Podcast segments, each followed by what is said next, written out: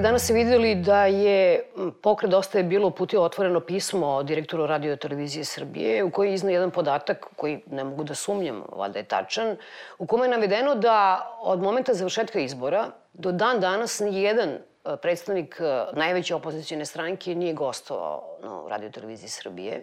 Četvrt miliona ljudi je glasalo, imaju 16 poslanika, jel? I dakle govorimo ovde o javnom servisu koji treba da zastupa, jel tako, taj pluralitet i političkih stavova u samoj zemlji. Sada, potpuno je jasno, Jovanka, vi ste to često napomenjali u vašim radovima, da mi pratimo taj svetski trend velikog pada prodaje štampanih medija, pada i gledanosti e, televizije, naravno na račun interneta. Dakle, delimično se uklapamo u taj svetski trend, međutim, evo, možda da se podsjetimo svi zajedno da u ovoj zemlji ipak je polovina stanovništa funkcionalno nepismena, da ovde imamo 700.000 ljudi koji nisu završili osnovnu školu. Hoću da kažem da ipak veliki broj ljudi niti ima pristup internetu, niti ga koristi i da se oslanjaju naravno na televizije i na radio stanice koje imaju nacionalnu frekvenciju. I utoliko, u tom smislu je još veći značaj ima javni servis u jednoj zemlji koja ima takvu strukturu obrazovnu Jovanka, vi ste uh, zajedno uh, i rade i vi ste učestvovali u tome. Rađeno je prilično veliko istraživanje prošle godine o sadržaju. Pre svega me zanimalo naravno taj informativni sadržaj javnih servisa. Dakle, govorimo o Radio televiziji Srbije i Radio televiziji Vojvodine. I zgodno se namislilo što je istraživanje rađeno u momentu kada su bili oni izbori. Sad su opet ovi izbori, Pa informativni program javnih servisa je nešto što je popularno u našoj publici i to je dobra vest. To znači da publika ipak prepoznaje neki kvalitet u, u, u tom programu, a on je ipak mnogo bolji nego što su programi drugih televizija koji su se potpuno stavili u službu vladajuće garniture i koje rade čak i ispod standarda nekog dobrog ukusa. Uh, javni servis pre svega neguje neku pristojnost u svakodnevnoj komunikaciji, ali je on ipak daleko od nekih standarda javnog medijskog servisa. Ja sam, na primjer, radila baš posebnu analizu um, informativnih programa, nego i uh, debatnih emisija i raznih drugih kolažnih, onih svakodnevnih emisija kao što je jutarnji program, kao što je Beogradska hronika, pokazuje da ni uh, republički ni pokrajinski javni servis ne ispunjavaju svoje zakonske obaveze. A njihove zakonske obaveze su da uh, promovišu javni interes, da ostvaruju javni interes u, u svom radu. To znači da omogućavaju slobodno formiranje mišljenja publike i izražavanje mišljenja gledalca i slušalaca. Da e, nepristrasno obrađuju raznovrsne ideje, s time što ne protežiraju ni, jedan, ni jedno mišljenje, ni jedan nekakav poseban interes, da neguju pluralizam ideja i omogućavaju sučeljavanje različitih mišljenja. Ništa od toga ne postoji u ovim informativnim programima, u različitim vrstima informativnog programa. Na primer, emisije Vesti su nešto što je direktno stavljeno u službu političkog establishmenta. Istraženje je bilo jako obimno. Mi smo imali ukupno 120 emisija, recimo emisija Vesti, ono što je TV Dnevnik, Dnevnik RTV-a, RTS-a, Novosti dana na Radio Beogradu, Vojvođanskog TV Dnevnika i tako dalje. Znači, od tih pet emisija i u tih nekih 2400 priloga pojedinačnih koje smo analizirali, utvrdili smo da se kao subjekti, kao oni društveni akteri o čim se aktivnostima i mišljima najčešće ovaj, govori, pojavljuju svega tri grupe od nekakvih 37 grupa koje smo mi analitički registrovali. To su uh, predstavnici države, državne vlasti, to su uh, predstavnici partija i to su strani subjekti, predstavnici nekakvih stranih organizacija. A od njih, među tim ovaj, domaćim subjektima, izražito preovlađuju predstavnici centralne izvršne vlasti. To je vlada i njeni ministri. Zakonodavna vlast, sudska vlast, oni su potpuno zanemareni. Pokrajinska vlast, lokalna vlast, oni su zanemareni. Premijer Vučić ima izrazito naj favorizovaniji tretman kao pojedinačni, je tako, akter u ovim informativnim emisijama, u centralnom dnevniku u pola osam, RTS-a, prosječna dužina priloga je iznosila minut i 24 sekunde. On se u, dva, u 24 emisije sedam puta pojavio u prilozima koji su duži od 5 minuta. Jedan je čak bio šest i po minuta, recimo onaj otvaranje železničke stanice Prokop. Znači, to nije bio nikakav vanredni događaj, to je bilo u, u vreme kampanje, je tako? Znači, u svakoj trećoj emisiji dnevnika Vučić se pojavi sa nekim prilogom od pet minuta, što prevazilazi sve profesionalne standarde. Ne samo da su oni bili izrazito dugački, mimo standarda, oni su, televizija se tu ponašala potpuno pasivno, ne znači bila samo pasivni beležnik nečega što premijer ili članovi vlade rade i bez ikakvog objašnjenja konteksta u kome se taj događaj, događaj odigrava. I na taj način je u stvari omogućavala upravo državnim funkcionerima da koriste državni marketing radi promocije svojih partijskih ciljeva.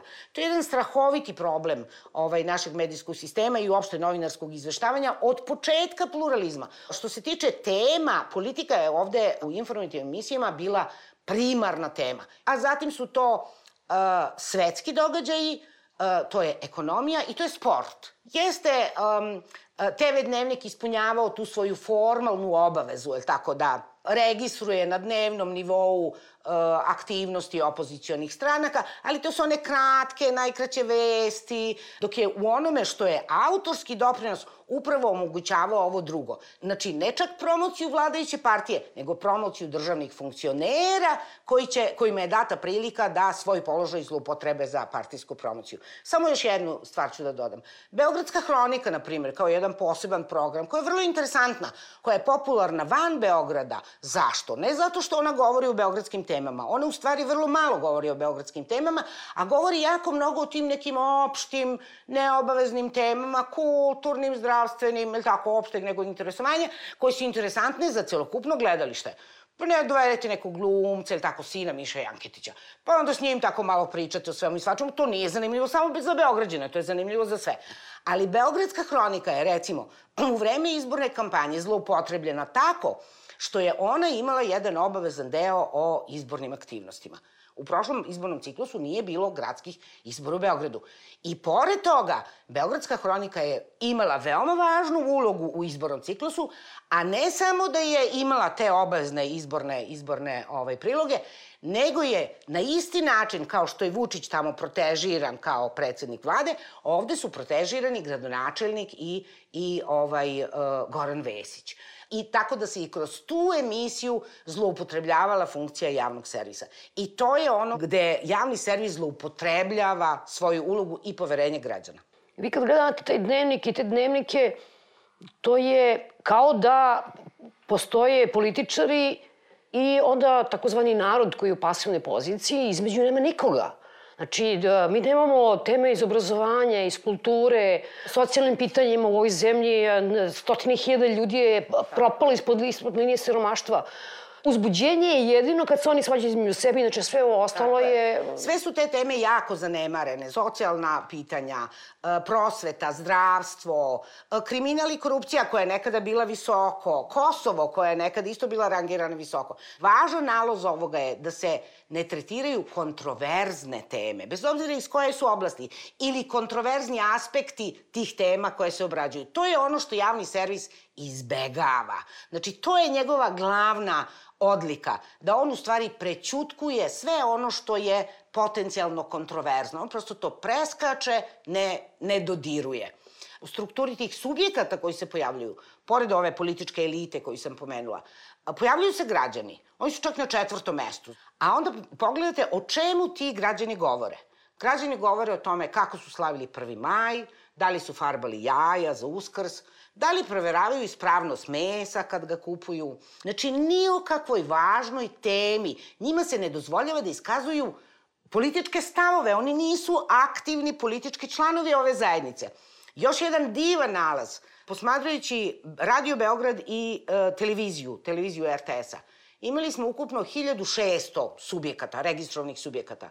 Među njima je bilo nula tinejdžera, nula studenta, nula penzionera, nula nezaposlenih, nu, jedan invalid.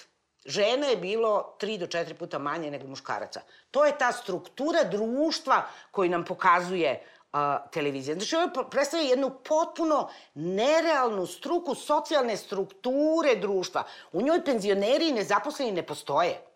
Imate Vučića koji priča o a, iskrcavanje sonde na Mars, pa onda imate Vučića koji je rekao nešto o Evropskoj uniji, pa onda u sledećem prilogu imate Vučića koji je nešto rekao o ekonomiji, pa onda rekao na kraju o Partizanu i o Zvezdi. Onda ovaj, oni zatvara usta, mislim, u javnim servisima, ali tako? Ali tu, to je u velikoj meri pitanje naših kolega. Za, zašto, zašto je to važno uopšte? Šta je on rekao? To je taj nekritički odnos, neprofesionalni nekritički odnos javnog servisa prema vlasti. S jedne strane postoji uverenje političara u ovoj zemlji da oni imaju pravo na medije kao svoj resurs zbog izborne pobede. A s druge strane i, znači, profesionalna ideologija novinara u javnom servisu koja smatra da njihov zadatak jeste da pre svega obslužuju potrebe vlasti. Pošto su takvi kakvi jesu, RTS ili Radio Televizija Vojvodine, ali uvijek se naravno postavlja pitanje čekaj ko to kontroliše. Da, ja se ne sjećam da sam ikada čula da je neko tipa skupština ili neko nezavisno telo nego govorilo, a da vidimo kakav nam je to javni servis. Dakle, od tih prvih trenutaka kada, su, kada je naša državna radiotelevizija počela na osnovu zakona da se transformiše u javni servis, mi možemo da konstatujemo da nijedno rukovodstvo ovih naših javnih servisa zapravo nije drugačije tretiralo te medijske kuće nego i dalje kao državne radiotelevizije, a isto se tako i vlast ponašala prema njima. I mi imamo jedan privid velikih i razvijenih javnih servisa po dizajnu tih televizija, po raznovrstnosti programskoj, po tome što oni imaju zaista informativne, edukativne, zabavne, sportske, kulturno-umetničke programe za decu, za religijske manjine i tako dalje, to su sve e, oblici i funkcije koji dokazuju da to jeste javni servis. Ali svi koji znaju dobro i u praksi i u teoriji šta je javni servis, znaju da je crvena nit koja odvaja jednu medijsku kuću kao javni servis od državne radiotelevizije upravo informativni program. A mi vidimo da rukovodstva ovih kuća nemaju snage, nemaju hrabrosti, vrlo često nemaju ni znanja kako da organizuju javni servis, da on bude u potpunosti nezavistan i autonoman od vlasti pred svega i ostalih centara moći. Nije vlast jedini centar moći, to su i biznis centri moći i vojno-strateški i drugi koji imaju razne uticaje i koji naravno ne prestaju da utiču na javne servise, jer kad vi vidite da novinar nema hrabrosti da postavi nekom svom sagovorniku iz vlasti, ključno pitanje Ovaj e, voz za Kosovo je bio paradigmatičan primer. To je onaj trenutak kada treba čuti i drugačije mišljenje. A o čemu se radi? Ne dopušta se mogućnost da se nazre mogućnost alternativnog mišljenja i time alternativa uopšte kao politička alternativa. Neću da držim predavanja, ali moram da podsjetim na Norberta Bobija koji je govorio o tome da za jedno demokratsko društvo nije važno samo da postoje institucije koje mi imamo. Imamo stranke, imamo e, parlament, imamo vladu, imamo sudove, potrebno je da je postoji i alternativa, da vi imate u svojoj vizuri mogućnost da poredite nekoga ko drugačije misli u odnosu na onoga ko trenutno nosilac vlasti, pa da razmislite sledeći put da ćete nekome drugome da date glas. Dakle, ovde se takva mogućnost potpuno zatire. S druge strane, ljudi koji znaju šta su javni servisi, kako su oni koncipirani i u praksi i u teoriji, u razvijenim demokratskim društvama Evrope, znaju da javni servis ima kohezionu funkciju. Javni servis upravo zbog toga što mora da bude otvoren prema svim društvenim grupama i svim pojedincima ne finansiraju taj javni servis samo oni koji su glasali za stranku koja je trenutno na vlasti ili za tu koaliciju. Prema tome, taj servis mora da bude okrenut prema svima jednako. I to je koheziona funkcija društva, da se čuju sva različita mišljenja, pa da se onda meri i da, da se imaju argumenti. Kod nas se naravno po tradiciji smatra da za koheziju društva je najbolje ako svi prihvatimo mišljenje vođe. A pošto se zna da taj drugi dnevnik RTS-a gleda dnevno između 2,5 i 3 miliona ljudi, eto nam prilike naravno da, da, da stvorimo jedinstvo. I svako ko pomisli da može drugačije, da se nosi sa određenim pitanjem, određenim problemom, da uopšte misli drugačije, taj očigledno tu koheziju razjeda. To jedinstvo društva razjeda. To su naši problemi i mi smo e, imali e, i u ovom istraživanju koje je sada urađeno, ali određena istraživanja koja su rađena i 2014. i 2012. da u emisijama tipa Dnevnik, u periodima predizbornih kampanja imate enorman broj takozvanih pseudo događaja, da se razumemo, bilo je toga i sa Borisom Tadićem, ali je u 2014. i 2016. godine to prevazišlo svaku meru. Mi smo imali, što Jovanka kaže, po pet, po šest minuta priloge koji su apsolutno promotivni i koji nisu bili u agendi tih političara i ne bi uopšte ni bili da nije bilo izbora. Evropa odavno uspostavila određene standarde, ima iskustva i recimo to kaže da nosioci javnih funkcija treba da se uzdrže od tolikog pojavljivanja. A ako se oni ne uzdrže, onda mediji ne treba da im daju toliko prostora i pogotovo baš piše u određenim dokumentima, ne treba da ih tonom i slikom prikazuje, nego neka samo spiker pročita vest da je predsjednik vlade, ovaj aktuelni ili predsjednik države, danas bio tu i to, otvorio to i to tačka. Znači, zadovoljena je potreba interesovanja javnosti za događajem koji je konkretan, ali ne može po tri minuta, po pet minuta i tako dalje. Da bome, to jeste problem naših javnih servisa, problem je i ostalih medija, ali naravno i s razlogom govorimo posebno o javnom servisu, zbog njegovog statusa, zbog njegove funkcije, zbog toga što ga svi zajedno izdržavamo i zbog toga što on mora da bude primer, on mora da bude paradigma. To je istorija javnih servisa. Drugi su se ugledali na njih, a ne da se oni ugledaju na druge.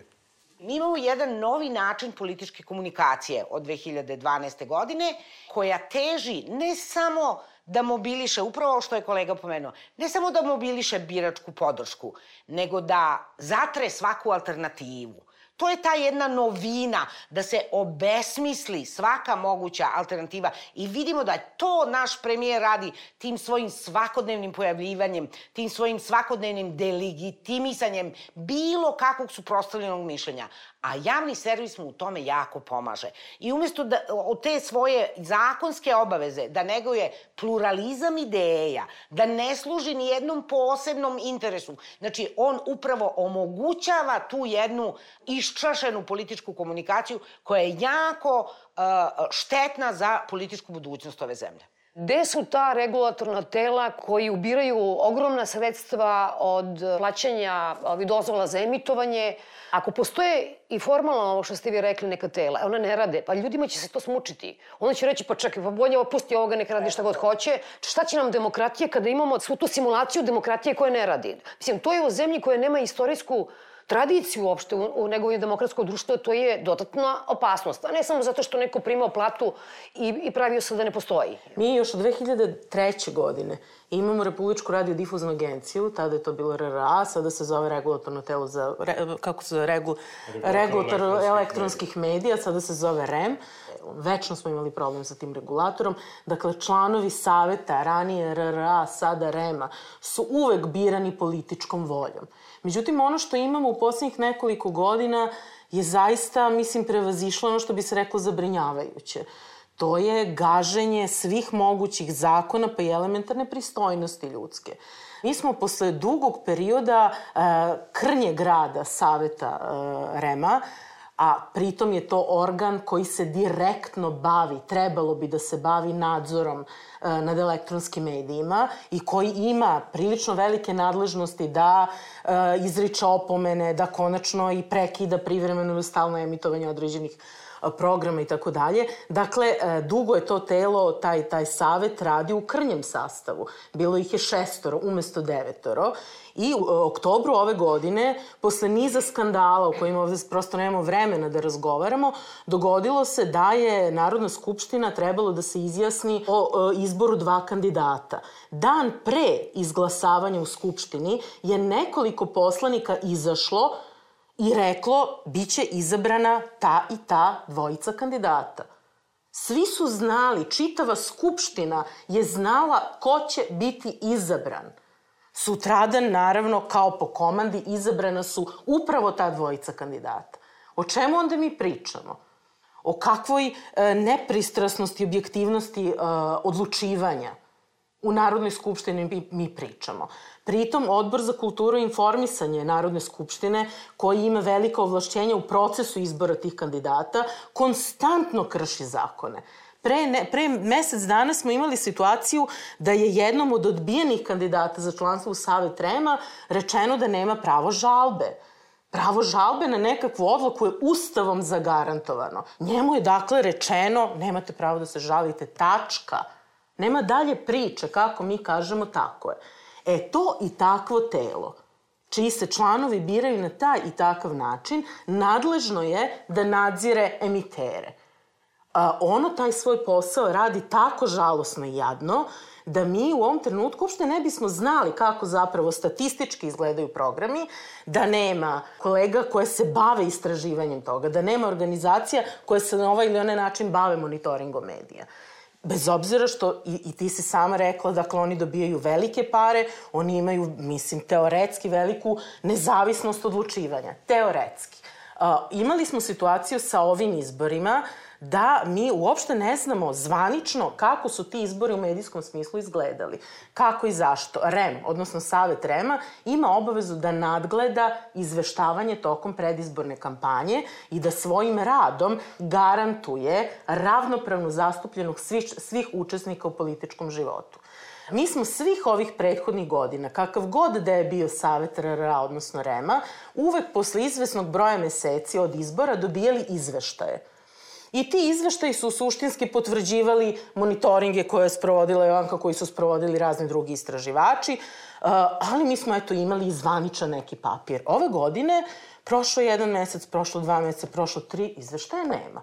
O čemu se radi, tim pre što su predstavnici REMA tokom kampanje uh, govorili mi pratimo, mi imamo softvere, mi ćemo to objaviti. Koleginica Suša koja je u tom trenutku bila još uvek u Savetu Rema, rekla je da je čak videla izveštaj za prvu sedmicu. Dakle, neko je te izbore očigledno pratio. Međutim, nigde, iz, nigde izveštaje. Šta se sa izveštajem dešava? Nunsi u avgustu, čini mi se, traži od Rema zvanično da objavi izveštaj o praćenju izbora ni, nisu odgovorili. Inače, odmah da kažem, ja dakle novinarski pratim REM od, od samog nastanka. Oni su jedna institucija od koje ti ne možeš da dobiješ odgovor ni o čemu. Ako ti pošalju odgovor, to je nešto što je mogla cica iz trafike da ti napiše. Mislim, to je nešto što prosto je neprihvatljivo kao odgovor jednog takvog tela. Iako oni imaju port parole, imaju e, u sistematizaciji radnih mesta, imaju nekakve savetnike za odnose sa medijima i tako dalje. Dakle, to pas maslom ne može da pojede. U svakom slučaju, NUS obratio uh, Rodoljubu Šabiću, povereniku za zaštitu informacije od javnog značaja, tek posle Šabićeve intervencije iz REMA stiže nezapamćeno bezobrazan odgovor da oni jednostavno taj izveštaj nemaju. Tačka. I šta ćemo sad? Kada je gomila nas tu krenula da piše o tome, sekretar Rema je objasnio kako u zakonu ne postoji obaveza Rema da izda izveštaj. Ja, se, ja sam pogledala ponovo zakon, zaista. Nigde u zakonu ne stoji eksplicitno. Savet Rema ima obavezu da u tom i tom roku da objavi izveštaj o monitoringu medija. To ne postoji.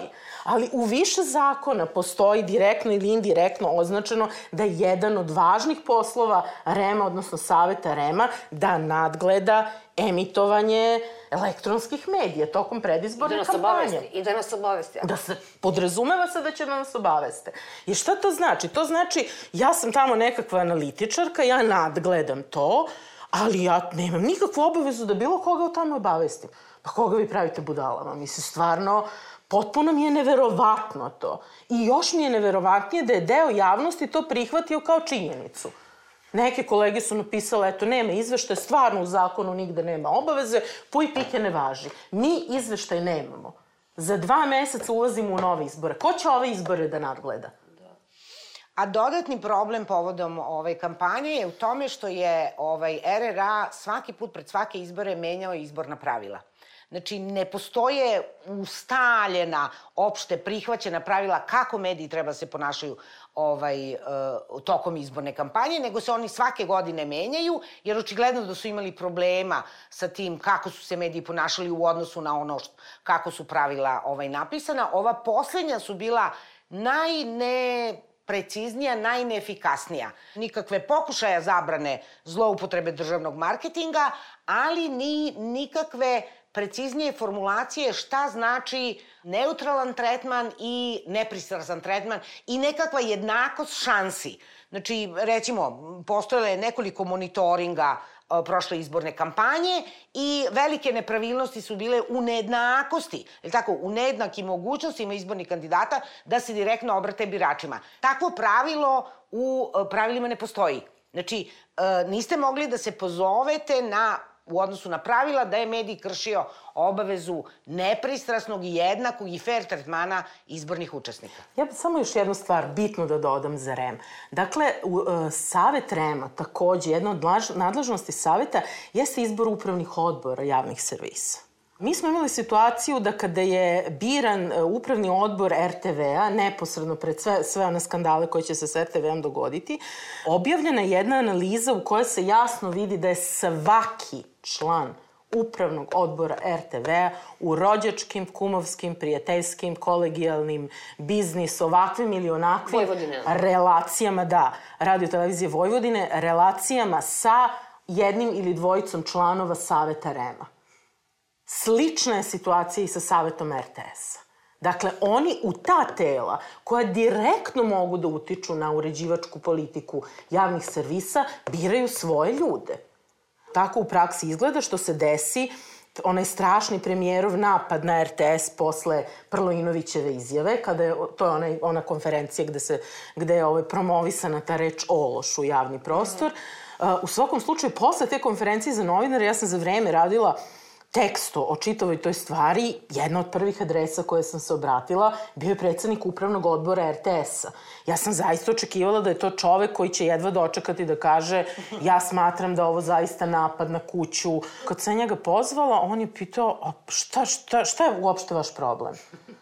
Ja rekla, ja nemam nikakav problem, ali mislim, da li vi kao predsednik, predsednik upravnog odbora smatrate da je ovo napad na kuću u kojoj zauzimate tu i tu funkciju. Ne, kaže, kakav, kakvom napadu vi pričate?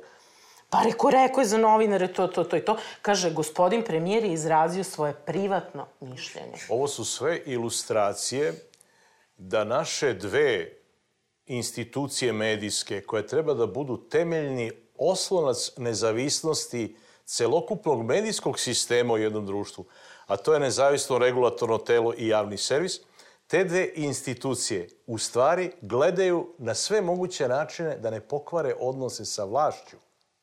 A kakve odnose imaju sa javnošću, to ih uopšte ne zanima. U demokratskim društvima je potpuno obrnuto. I zato u društvu u celini i postoji konsenzus da treba te institucije braniti. Ja ne znam kad bi danas neko predložio da se rasformira e, i regulatorno telo i RTS, ko bi ga branio? A e, mi možemo da se setimo da je Margaret Thatcher Gvozdena Ledi htela da privatizuje BBC. A zašto nije mogla da ga privatizuje? Građani nisu dopustili, javnost nije dopustila, publika tog BBC-a nije dopustila da se... Ali, to je ono pitanje na koje smo ostali dužni odgovor, javna kontrola. BBC ima svake godine do 20 miliona neposrednih kontakata sa slušalcima i gledaocima na sve moguće načine, telefonom klasičnim, mail adresom, klasičnim pismom da pošalje poštu. Našim javnim medijskim servisima je najvažnije šta vlast misli o njima. Kad smo završili ovo istraživanje tih oko 2000 sati programa RTS i radio televizije Vojvodine, skrenuli pažnju na nekoliko stvari. Jedna od toga jeste da je zakon o javnim medijskim servisima predvideo da e, programski savet, gde je dve trećine bilo ljudi iz opšte javnosti, iz raznih institucija, iz stručnih institucija, iz medijskih institucija, a samo jedna trećina bila od, od poslanika parlamenta, sada je ovim zakonom predviđeno da upravni odbor RTS-a i radio televizije Vojvodine. Bira taj programski savet koji treba da ga savetuje i da kontroliše njegove programske funkcije. Pa to je nonsens. Jel da, kako može jedno interno telo da izabere nekoga ko treba njega s polja eksterno da kontroliše? Evropa insistira na eksternim oblicima kontrole. To su nevladine organizacije, to su udruženja građana, to su stručne organizacije. Dakle, svi koji su s polja, jel da, zainteresovani i koji imaju stručna znanja, oni kontrolišu, jer to bi po, po nekakvoj prirodi stvari trebalo da bude e, medijski servis koji je i osnovan od građana, i finansiran od građana, i kontrolisan od građana, ali to je ovde nešto što se strašno teško prima. Šta građani, koji građani, kako građani? Da, nismo mi više gradovi polisi kao u antičkoj Grčkoj pa svi da izađemo na trg pa da nešto kažemo. Ali postoje oblici, to su demokratske zemlje pronašle i za sve ove godine tranzicije, znači poslednjih 16 godina, mi nismo uspeli da napravimo jednu funkcionalnu osnovu za slobodu medija.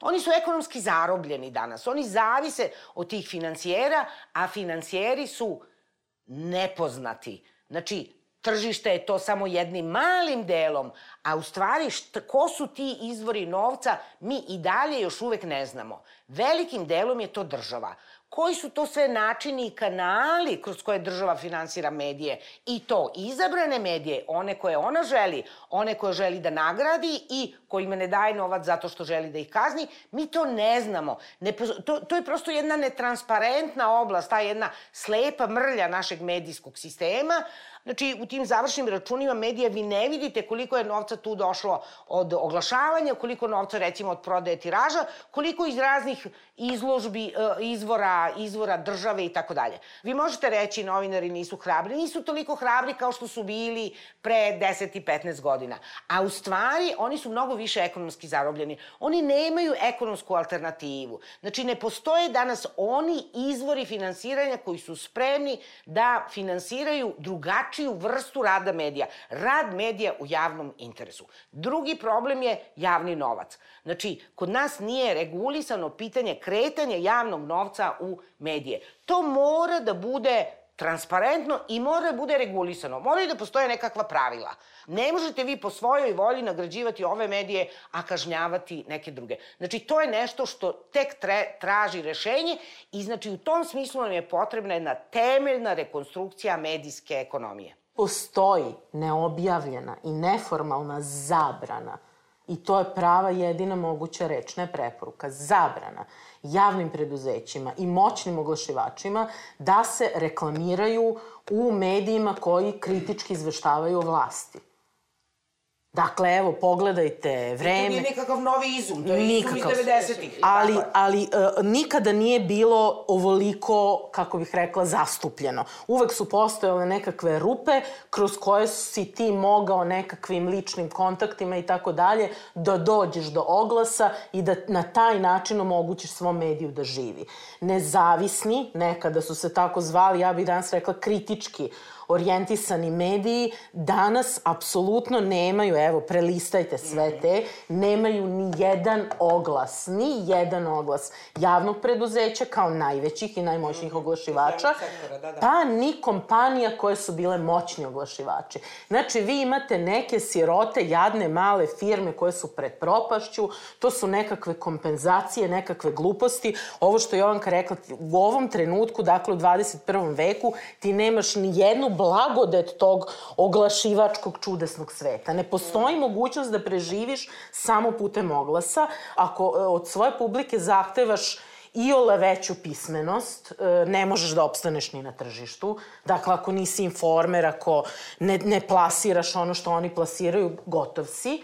I ti si osuđen na to projektno finansiranje, osuđen si da ti tamo nekakva komisija, sastavljena kako je već sastavljena, odlučuje bukvalno o tvojoj sudbini. Sve su slavine zavrnute i to je nešto što mi iz medija pokušavamo da objasnimo i Evropi i svetu, pa i nama samima već nekoliko godina, a nas kao da niko ne čuje. Što se tiče finans, finansiranja oglasnog prostora u izbornoj kampanji, ja ću samo da kažem da mi imamo konstantnu izbornu kampanju, prema tome ne znam što bi bilo sad posebno pravilo za tu izbornu kampanju.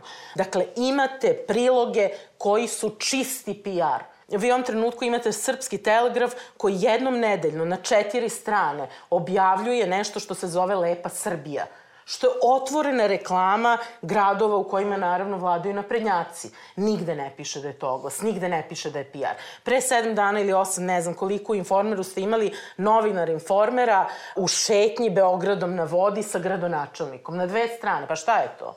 Šta je to? To je novinarski rad. To je PR čisti. I za to ne postoji tarifa. Tako da ja moram da priznam da kao novinar, kao neko ko se bavi medijima, ja više uopšte nemam problem sa oglašavanjem tokom kampanje, ja imam problem sa oglašavanjem kontinuirano. Sa stanovišta razvoja medijskog sistema, ovo o čemu je Tamara govorila sada, to je vraćanje 100 godina unazad. Pred kraj prošle godine na jednom velikom skupu koji smo imali ovde u Beogradu o medijima, koji je bio međunarodni, saopšteni podatak da je prošle godine potrošeno negde oko 260 do 280 miliona dinara za e, reklamiranje u medijima, a da se ne zna tačno ko, kako i kome je te pare dao. Kada se zna da je ukupno medijsko tržište ovde, ono je dostiglo vrhunac tamo negde 2008-2009. gde je došlo negde do 250 miliona evra na godišnjem nivou, pa se onda su vratilo nekih svega 120 i ako se zna da od toga negde oko 60% uzimaju samo dve medijske kuće RTS i Pink, onda pogledajte šta znači 100-200 miliona dinara kad pretvorite u evra, opet je dosta veliki novac. To tačno može da održi egzistenciju onih medija koje neko želi da održi, jer njima i daje taj novac.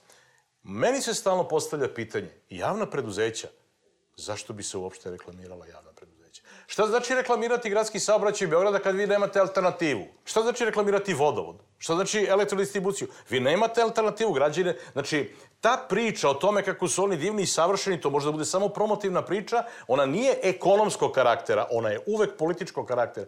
Kumulativno, kad sve ovo sada sakupimo o čemu smo pričali, o tome kako se skriveno i neskriveno jedni mediji podstiču, a drugi mediji osporavaju, mi možemo da konstatujemo da se u stvari ponovo stvara jedna atmosfera straha. To dvostruko. Prvo da su svi u medijima i zaposleni i oni ostali, čak i vlasnici medija, stalno zabrinuti permanentno da li će imati posla i sutra, a drugo, sadržajima se taj strah prenosi i na javnu sferu u celini. Šta je bolja ilustracija tog straha nego činjenica da smo mi potisnuli istraživačko novinarstvo apsolutno na margine NGO novinarstva. Naši najbolji istraživački radovi novinara nisu u mainstream medijima. To su u takozvanim NGO, CINSU, BIRNU, Akademiji i ponekad vidimo da čak i e, slaba platežna sposobnost određenih medija nije razlog da oni nemaju istraživačko novinarstvo, jer kad im ovi ponude te svoje radove, koji su oni projektno uspeli da naprave besplatno, ovi nemaju hrabrosti da ih objave. E, imam dosta dobar... Ne svi, ja se izvinjam. Ne svi. Ne svi Vreme to radi. Naravno. Ali to je dva, tri medija. Da, da. Ali to je dva, tri medija. Taj strah je jedna od strašno važnih komponenti naše sadašnje medijske situacije, jer čak i onda kada pare nisu problem, mi neke sadržaje nemamo u mainstream medijima da bi ih videla šira publika. I tu se zatvara naš krug. Fenomen ove vlasti jeste da je centralizovala kontrolu nad finansijskim tokovima. Apsolutno. Znači da je ona apsolutno kontroliše sve tokove novca. Znači mediji su jedan, jedna od tih tačaka gde, se, gde je ta kontrola izrazito striktna. E, ja se samo izvinjam još samo da, da se osvrnem na ono što je Rade rekao. Rade jeste u pravu što se tiče oglašavanja javnih preduzeća. Ali javne preduzeća imaju nekakve budžete koji su namenjeni za to. Ja sam takođe za to da oni ne treba da se reklamiraju, suštinski. Ali ako oni već posjeduju budžet za to, onda bi to trebalo da bude nekako tržišno logično. I da postoji mogućnost, makar teoretska, da se neko javno preduzeće, ne znam, reklamira u danosu ili u vremenu. Umesto toga, na primjer, Pošta Srbije ima svakog dana bar po jedan tekst, recimo, u Srpskom telegrafu. Tih nekih para ima, ali oni, zahvaljujući političkim monopolima nad tim marketinškim agencijama i zabranama, ne dospevaju u sve medije ne više podjednako. Ranije nisu dospevali u sve medije podjednako, sad jednostavno ne dospevaju u neke Uopšte. medije. Moram da priznam da je te monopole nad marketinškim agencijama uvela prethodna vlast. Ali ova vlast je tu praksu dovela do stepena neizdržljivosti mora da se održava ta ideja slobode medija. Znači, slobodni mediji su preduslov razvoja demokratije. Bez njih nema demokratskog društva. I to je nešto što svaki građanin treba da zna. Javni servis, njegova uloga je da neguje demokratske vrednosti. To tako piše u zakonu. A jedna od tih demokratskih vrednosti je princip aktivnog građanstva. Znači, vi treba da podstičete građane da budu zainteresovani za politiku, da znaju šta se zbiva, da žele da učestvuju, da žele da pridonese donesu, da sami neguju kulturu javnog dijaloga i tako dalje. Sve to javni servis ne radi. Eto, to su te neke njegove mane. Mimo toga, da li je on da. je tako preskočio, dosta je bilo i dao Vučiću pet minuta. Znači, u tom celokupnom programu moraju da se neguju demokratske vrednosti i ta ideja građanina kao aktivnog učesnika društvenog života. U zakonu piše da javni medijski servisi treba da objavljuju sadržaj na jezicima manjinskih naroda. I nema nikakve distinkcije između Vojvodine i ostatka Srbije. Znači, i jedan i drugi javni servis to treba da rade na isti način. Međutim, vi u, celom, u celoj radioteleviziji Srbije imate jednu emisiju na romskom jeziku na Radio Beogradu i povremeno na, na televiziji imate emisiju Grad u kojoj se može da čuje neki od jezika, ali to nije sistem i to nisu svi jezici i to nije ni približno e, koliko ima e, predstavnika nacionalnih manjina južno od Vojvodina. Nema Vlaha, nema Bugara, nema Albanaca, nema Bošnjaka, nema Roma, tako da je to jedan od primera potpunog kršenja zakona. Dakle, tu nema šta. To je jasno kao dan. Uh, velika odgovornost novinara. Ja znam, to je jedna jako teška tema za to je uzdah. Velika odgovornost novinara, ali novinari su koji svi građani i građanke ove države, kako bih rekla, svedeni na nivo belog groblja. Ja ne mogu da pravdam kolege koji krše kodekse, koji krše zakone, koji krše elementarne standarde profesije. Ja imam, što bi klinci rekli, transfer blama kad gledam neke konferencije za novinare, kad gledam neke intervjue sa Vučićem. Mislim, prosto stvari se na dnevnom nivou događaju koje su bruka za ovu profesiju. Ali s druge strane, ajde, moram i da se solidarišem, jer jedem taj hleb i ja 20 godina, to je, mislim, svi mi znamo, krvav posao, a ljudi su svedeni na roblje. Dakle, ali promenit će samo, se mnogo evo, evo, proces ja ću, evrointegracija. Ja samo, znači, morat će da se ali usaglase mi ne možemo da dođemo do prakse. procesa. Mi ne možemo da dođemo. Do tada. Ali mi ne možemo da dođemo do procesa evrointegracije čak ni kada, su, kada je u pitanju ESNAF. Pre neki godinu, dve dana, kada je Vučić napao lično imenom i prezimenom koleginicu Tamaru Spajić. Pored njega je stajao najviši predstavnik Evropske unije u Srbiji, Michael Davenport koji zna srpski jezik, koji je čovek ćutao. Ja znam da postoji nekakav diplomatski običaj i tako dalje, da on možda morao da ćuti, ali postoji i mogućnost da ti kada se sve završi malo podvikneš tom Vučiću. Malo ga podsjetiš na to da je on na toj proevropskoj agendi dobio bar jedan broj birača moraš da mu kažeš. Umesto toga, svi oni koji bi trebali nekako da da pomognu nama u tom procesu evropskih integracija, da nam pomognu u primeni evropskih standarda, ćute na sve ono što se dešava, ne eto tako mi kažemo pred njihovim očima, nego bukvalno pred njihovim očima. Ako Michael Davenport stoji i gleda kako Vučić gazi novinarku, onda šta mi da radimo? Pa mi treba da se udružimo, novinari... mi treba da se udružimo, Ko? celo civilno, celo civilno društvo i da, da. tu protestuje. Znači, Naravno, to je opet to pitanje da. solidarnosti civilnog društva. I ne samo novinara, i novinara nego i, i civilnog društva. Tako je, ne Civilno samo novinara. Civilno društvo vrlo često i vrlo opravdano upire prstom u novinare. Ali ja imam nekad osjećaj da mi zaista nemamo podršku civilnog društva. Dakle, kada su novinari jedan jedini put izašli na ulicu onom, zahvaljujući onoj nesretnoj situaciji sa Gašićem, novinari ne kleče. Na prva dva skupa je bilo nekakvih predstavnika civilnog društva, posle toga smo bili samo mi. I u N situacija civilno društvo kaže evo mi smo tu, mi smo vama leđa, mi se zalažemo, nema odbrane, nema solidarnosti društvene javne. Tako da kažem koliko god upirali prstom u novinare, ja nekako ako ikako mogu sad ovo tek zvuči koji spomenara, ali apelujem na javnost da nekako i razume. Novinari su bedni Dakle, u redakcijama plate su nepostojeća kategorija. Evo, u Remu, kafe kuvarica u Remu, kad se uračuna markica, ima 10.000 veću platu od novinara uglednih nedeljnika u Beogradu. Kafe kuvarica. Da, upravo si ti, međutim onda će tako svaki lekar da ti kaže da je nedovoljno tako plaćen. Je, tako je. Zašto nemamo tu neku medijsku koaliciju koja će se organizuje po pojedinim pitanjima, ne mora neprestano na svakodnevnoj osnovi. Neka se udruži na pitanju napada na pojedinačne novinare.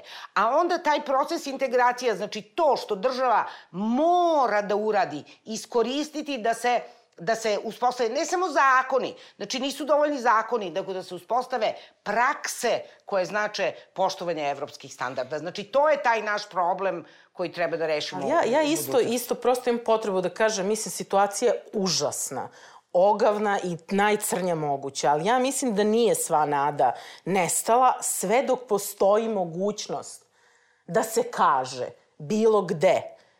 I zato mi koji još uvek na neki način govorimo, moramo da budemo i glasniji nego što smo bili do sada. I zaista verujem da ne može da nestane sve. Sem ako ne uzmu i da krenu da eliminišu redom po spisku. Kažem, nije ni to isključeno kako za sada stoje stvari, ali sve dok smo tu, dok hodamo, dok možemo, mislim da moramo da vičemo na ovaj ili onaj način, jer to nam je jedina šansa da preživimo, ne sad samo finansijski, ovako, onako, statusno, nego i fizički. You.